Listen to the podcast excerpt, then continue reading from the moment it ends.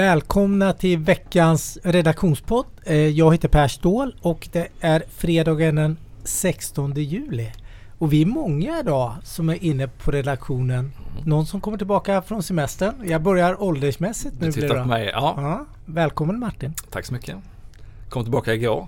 Du är så solbränd. Rakt in i rapportperioden. Som fin solbränna har du. Ja, men nu är det slut på det. Nu är det, nu är det rapporter. Ja, idag kommer se kommer det blek ut om några veckor. Om en vecka ja. Sen har vi våra sommarjobbare. Och de förökar sig. Men inte med varandra. Inte med varandra. Nej, nej. Men jag får ju välkomna vårt senaste tillskott. Otto. Lindalla, välkommen. Tack så jättemycket. Hur känns det att vara här? Det känns jättebra att vara här. Det, eh, det har varit en händelserik vecka.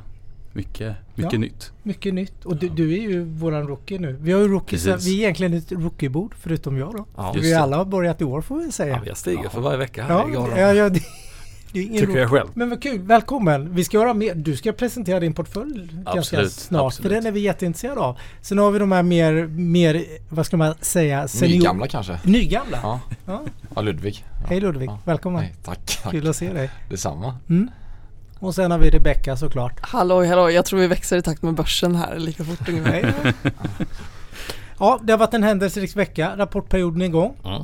Det kom rapporter i, ja, det kommit i, i veckan men idag... Idag är väl nästan största dagen tror jag. Nästan på hela, hela rapporten. I alla fall om man tittar på storlek på bolag också. Inte bara antal. Det brukar komma väldigt många småbolag i slutet på rapportperioden. Men, men det dundrar till ordentligt här. Alla vill, vill väl få ut sina rapporter och kunna åka iväg på semester så fort som möjligt sen. Vad är ditt intryck så här kort? Nu är det ju bara gått igår, ja, några Ja. dagar.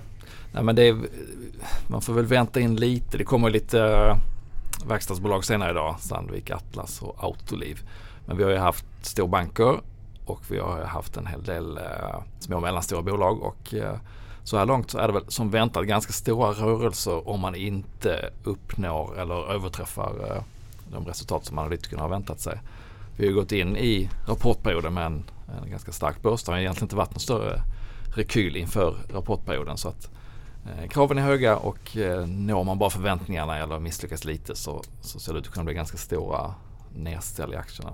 Ja, jag tänker, du skrev om Byggmax igår. Ja, det är ett en typexempel. placerad egentligen. favorit. Och, de, och de hade ju ändå vinstvarnat innan så där visste man ju faktiskt vad både omsättning och resultat ungefär skulle bli i alla fall. Eh, och trots det så föll de ganska kraftigt. Eh, jag tycker att det var inget som ändrades egentligen i Byggmax-caset i sig men eh, det som väl framkom var att den här eh, omsättningstillväxten på ungefär 13% under andra kvartalet var ganska mycket drivet av prishöjningar, inte så mycket av volym. Utan, eh, och, och det är på ett sätt ett kvalitetstecken att ett lågprisbolag som Byggmax kan höja priserna och göra det i, innan insatsvarorna stiger. För de hade också väldigt bra eh, bruttomarginal. Men det var väl en sak som eh, aktiemarknaden tog fasta på att, att det inte var volymen som steg. Eh, en annan faktor tror jag är som vi kommer att se i fler bolag att man börjar ana att ja, men det här kanske är as good as it gets för den här gången. Att, eh, eh, har man funderat på att kliva ur så kanske man gör det nu och, och så avvaktar man.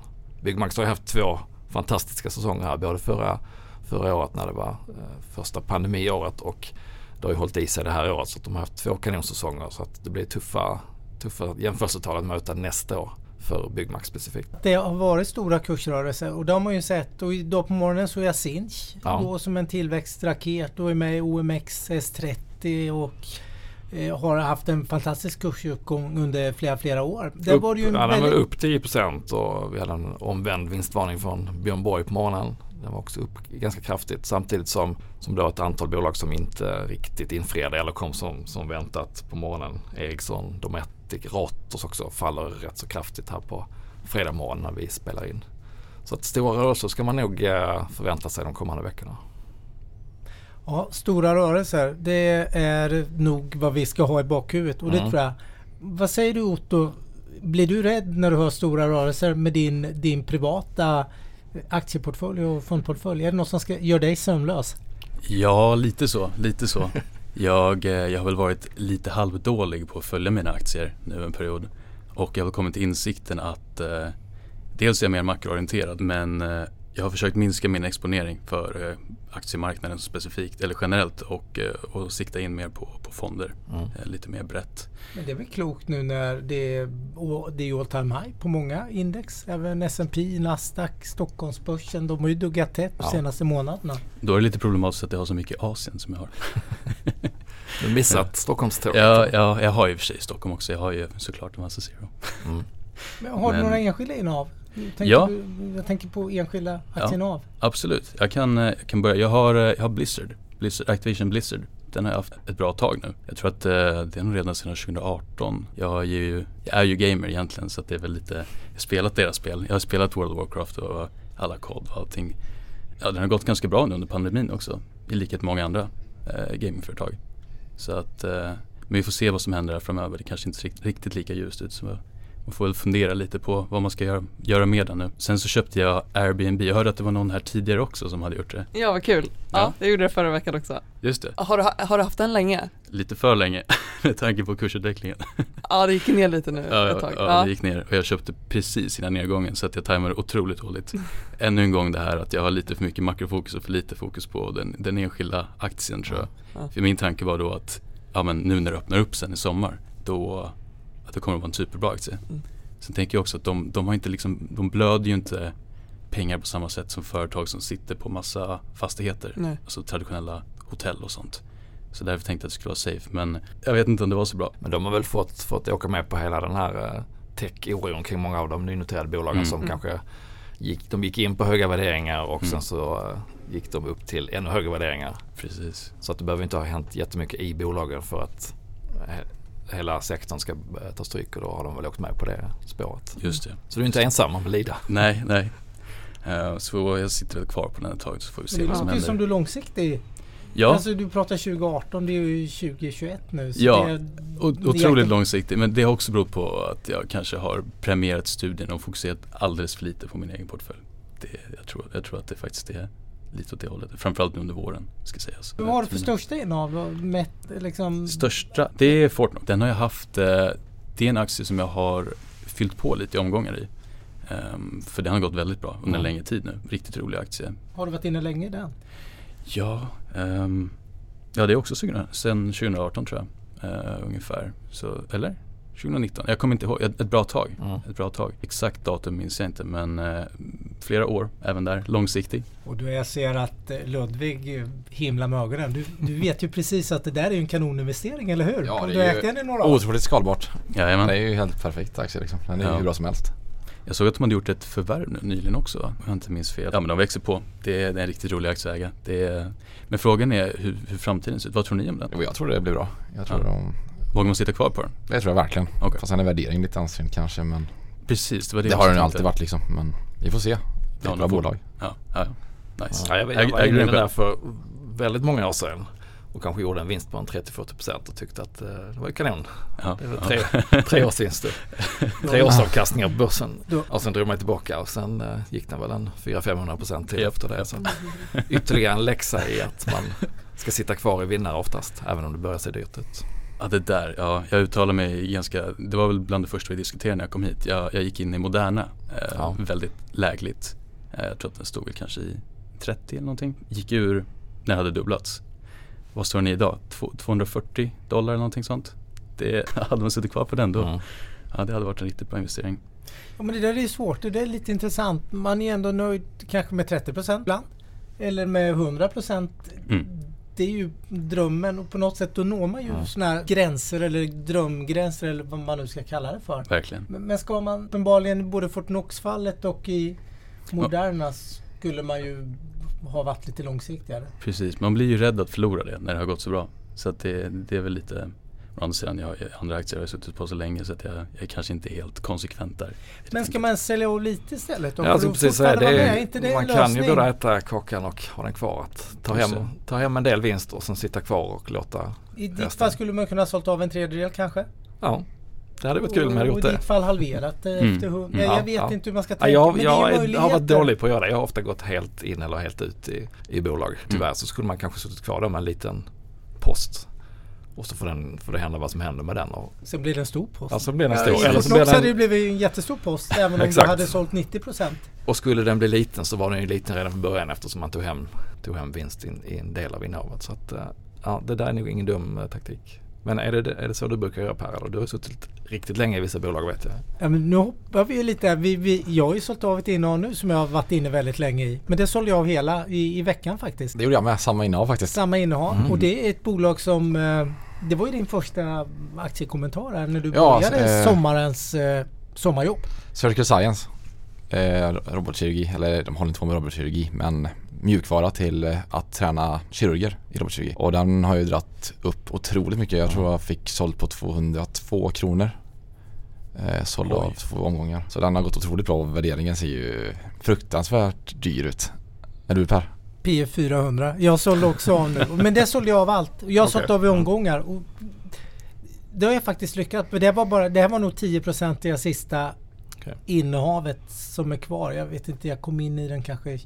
Och du var tidig där va? Jag, du jag, köpte på 30 jättetidig. kronor typ. Jag var inne före pandemin så det är 2019 kanske. Så att det, Ja, det är en bra affär. och sen har jag sålt av väldigt mycket. Så jag hade bara 10% kvar men ändå var den lite...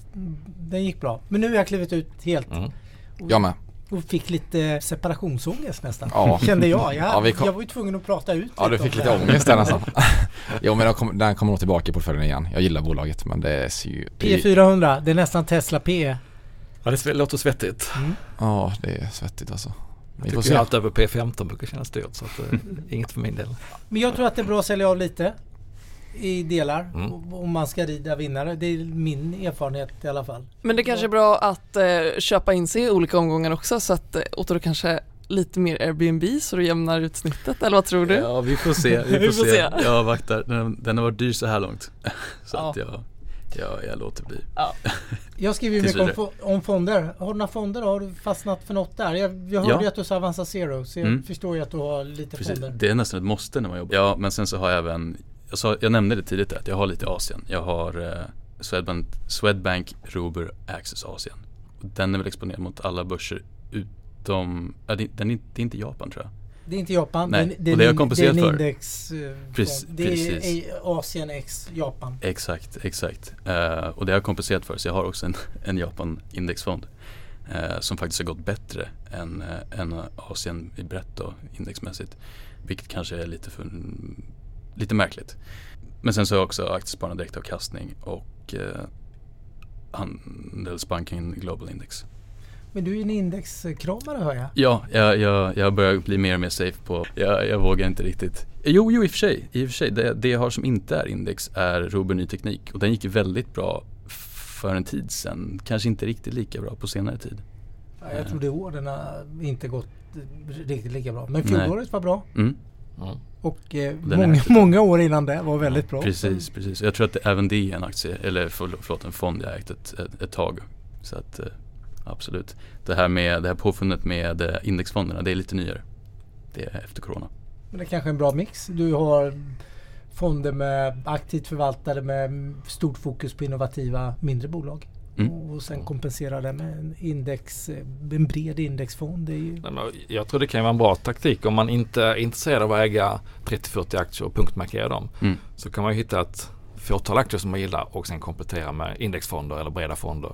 Då får man ju riskspridningen samtidigt som man får eh, ta del av Det roliga. det, det roliga Ja, i, precis. i enskilda aktier. Så att det Men tror jag är en lösning som passar men många. gör, gör ni likadant i era, liksom era fondportföljer? Vad man säger? Den som, är det den ni gör? Är det en mix av aktivt och passivt? jag, har, jag skulle säga att jag har nästan bara fonder i pensionssparandet. Det mer långsiktiga och sen så har jag Men är de enskilda ak- aktier. är i- de aktiva, passiva eller hur?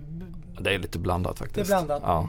Mest, ja, jag ska säga, li- lite övervikt på passiva, alltså på olika indexfonder. Breda indexfonder, men blandat. Tänker ni då Aj. ungdomar, ni som har börjat precis att pensionsspara? Jag har ju För faktiskt- nu var det ju pensionssparandet som Ja. då Ja. dina fonder i Martin. Ja, nej jag har inga fonder alls faktiskt. Jag har bara aktier. Eh, investmentbolag tänker jag får bli mina fonder. Tycker det är mycket bättre än fonder. Du får Ja. tipsa mig sen om vilka jag ska köpa. Ja precis, nej. Men, nej jag gillar aktier liksom. Oj. Mm. Vem gör inte det? Nej men en blandad mix sådär och eh, ja, det är väl en jättebra, som en jättebra bas och både ha eh, liksom lite spritt över eh, regioner och aktivt och passivt, då är man väl ganska hedgad. Om man vill, vara, om man vill minska risken helt enkelt eh, av en liten del i portföljen och det är väldigt smart. Ja men är det någon som ska ta risk så är det ju ni som är lite yngre egentligen. Mm. Som, som har väldigt lång horisont.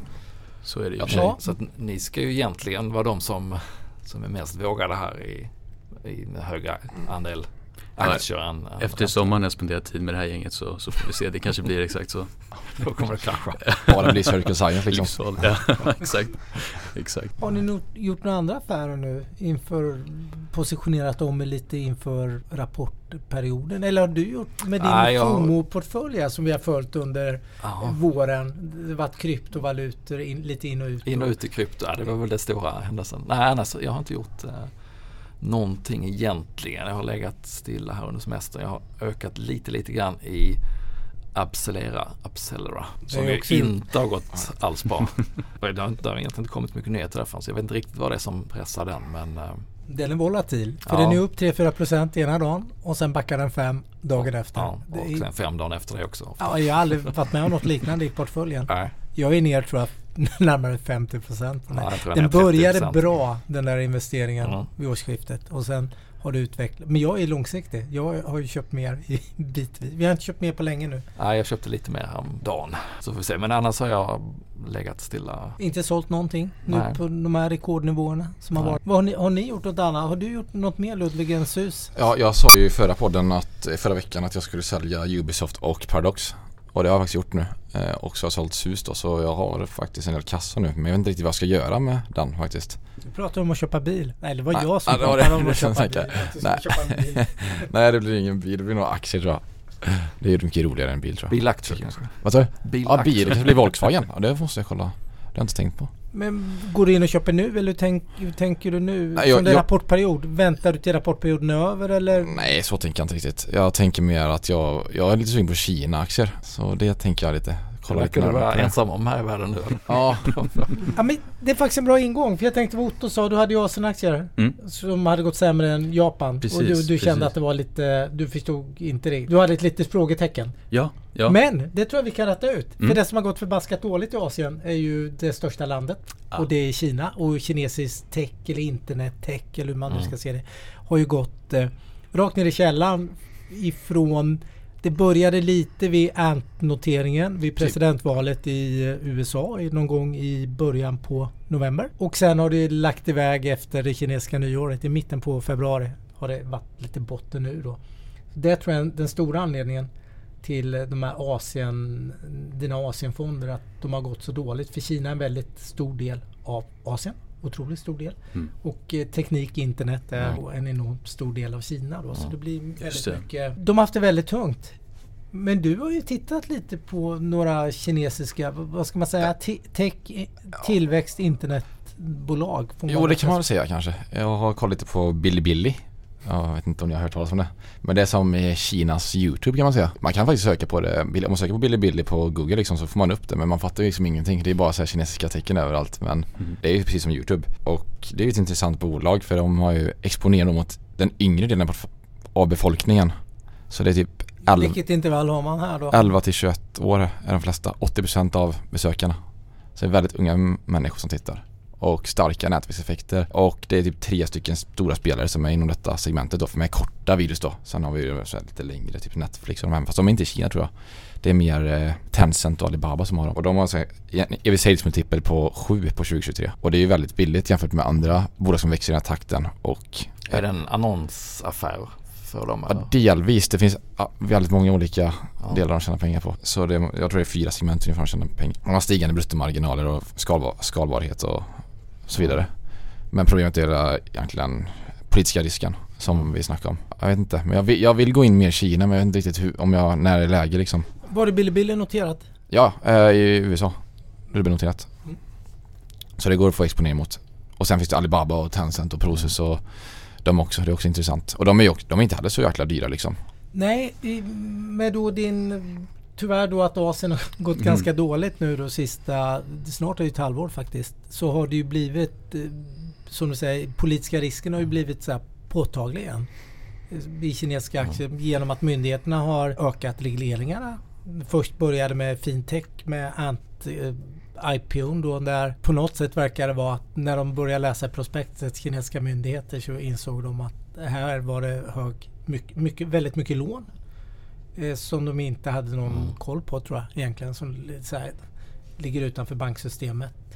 Men det var väl ett nytt exempel här bara häromdagen, häromveckan? Ja, och sen eh, precis. Och ef- efter den här då med fintech, när man bara slår ner lite på fintechbolagen och stoppade IPOn så har det ju varit någon antitrust eller Mm. mot eh, monopolbolag där Alibaba har drabbats och Tencent och ett antal kinesiska stora aktörer. Så är man nu kanske nästan inne i tredje regleringsfasen som är den här Cyber Security-myndigheten man har skapat. Och då var det ju den här, jag blandade ihop det med, med Ja, Billy Billy-. Diddy. Diddy Global. Som mer är någon, någon mer Uber-liknande Just det. tjänst som eh, börsnoterades på New York-börsen. Och några dagar senare så kom den här kinesiska supermyndigheten och eh, sa att de skulle stänga appen för nya användare då. Låter som Vilken är hela affärsmodellen i, i princip då. Så nu var det, det har ju varit väldigt Mm. tufft. Jag såg att Morgan Stanley var ute någon dag efter och de la upp ett varningens finger. Kanske lite sent kan man tycka då men att det var, det, var, det har varit mycket djupare regleringar och de har varit mer omfattande än vad man först Mm. trodde när det började någon gång vid Ant eh, börsintroduktion i november och sen har det Spårat på något liksom. sätt e- eskalerat och lite kanske kan man tycka som västerländsk investerare spårat ur lite då och blivit mycket djupare och större då. Frågan är om det är toppen som är nådd eller botten hur man nu ska se det. För jag säger själv som dig att kinesiska teknikbolag och internetbolag är ju billigare än någonsin. ja, och det är ju framtiden tänker jag också. Det är ju där allt kommer hända i framtiden. Så Kina är ju en intressant marknad generellt sett med växande medelklass och allt. Så jag, det är nog smart att ha exponering mot Kina i alla fall lite. Jag menar inte att jag ska köpa liksom 50% i Alibaba och portföljen liksom. Det tänker jag inte göra. Men alltså börja kanske skala på lite. Eller så gör man som Otto. Köper en eh, asiatisk indexfond. För då får man också mycket. Ja. De stora innehaven är ju Jo, Alibaba, Tencent. Men Alibaba och. Tencent är ganska diversifierade också liksom. De är ju stora konglomerat liksom. Tänker jag. Eh, Ja, vi får ju se. Det, det, jag tycker att det ser jättespännande ut nu. Ja, vi jag får har varit se. inne mycket i kinesiska bolag innan då. Men det, nu känns det kanske som att Mm. kanske botten är nådd. Och de stora bankerna är ute och varnar. Då kanske också är ett Ja, litet tecken ja. på att Man ska köpa när alla är livrädda liksom. Ja. Vi får se. Kanske genom köp där i Ja, veckan. det blir spännande hur som helst. Men den politiska risken ska man ju ta på allvar på något sätt. Men ja, eh, och den har ju varit mer påtaglig nu. Mm. Känns det. Den har ju den har vaknat till liv igen Mm. i alla fall. Och den, som investerare inser man att det är en viktig faktor på, Det- på ja. många och det är väldigt länder. svårt att, att bedöma. Det kan ju gå från en dag till en annan. Att Mm. Nästan morgonen man vaknar upp så har det hänt någonting som gör att kursen rasar 30% som man inte kunde förutse. På jag ett annat sätt än med liksom den Ja, jag vanliga håller med. Ja, affärsverksamheten. men det är helt, och jag tycker Morgan Stanley när jag läste deras kommentar den var så tydlig att det, det är mycket, mycket mer omfattande regleringar än vad de ens trodde då i början på året. Att du har liksom lite där, det har Ja. bara eskalerat. Fast man inte tror det som investerare. Och det kanske inte har varit de signalerna heller man Mm. tycker man har fått från, från myndigheterna. Mm. Håll ett öga på den politiska risken. Det, det har man lärt Ja. sig. Ja. Ja. Har du något annat köp nu då du vill göra? Eller är det bara kinesisk eh, internettech då som du tycker är utbombat? Med politisk risk i bakhuvudet? Nej, jag tror inte det. Men jag, jag, jag är ganska likvid nu, alltså i, i min portfölj. Det är väl gött att ha lite eh, Ja. torrt krut om det skulle Lite krigskassa liksom. Ifall det skulle dra ner.